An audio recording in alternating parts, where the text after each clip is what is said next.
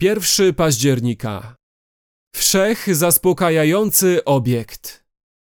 Rozkoszuj się Panem, a da ci, czego życzy sobie serce Twoje. Psalm 37, werset 4. Poszukiwanie przyjemności nie jest nawet opcjonalne, lecz nakazane w psalmach.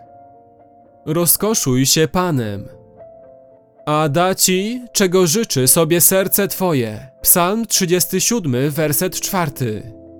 Psalmiści dążyli właśnie do tego. Jak jeleń pragnie wód płynących, tak dusza moja pragnie Ciebie, Boże. Dusza moja pragnie Boga, Boga żywego. Psalm 42, wersety 2 i 3. Ciebie pragnie dusza moja, tęskni do Ciebie ciało moje, jak ziemia zeschła, spragniona i bezwodna. Psalm 63, werset 2. Motyw pragnienia ma swój satysfakcjonujący odpowiednik, gdy psalmista mówi, że ludzie nasycają się tłustością domu Twego. Psalm 36, werset 9. Odkryłem, że dobroć Boga, sam fundament uwielbienia, nie jest czymś, czemu oddaje się szacunek z powodu jakiegoś rodzaju czci pozbawionej zainteresowania. Nie. Jest to coś, czym należy się cieszyć. Skosztujcie i zobaczcie, że dobry jest Pan.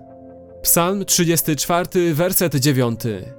Skosztujcie, skosztujcie i zobaczcie. O, jak słodkie jest słowo Twoje dla podniebienia mego, słodsze niż miód dla ust moich. Psalm 119, werset 103. Jak mówi C.S. Lewis, w psalmach Bóg jest wszechzaspokajającym obiektem.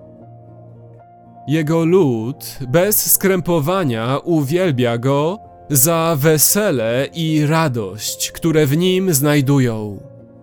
Psalm 43, werset 4.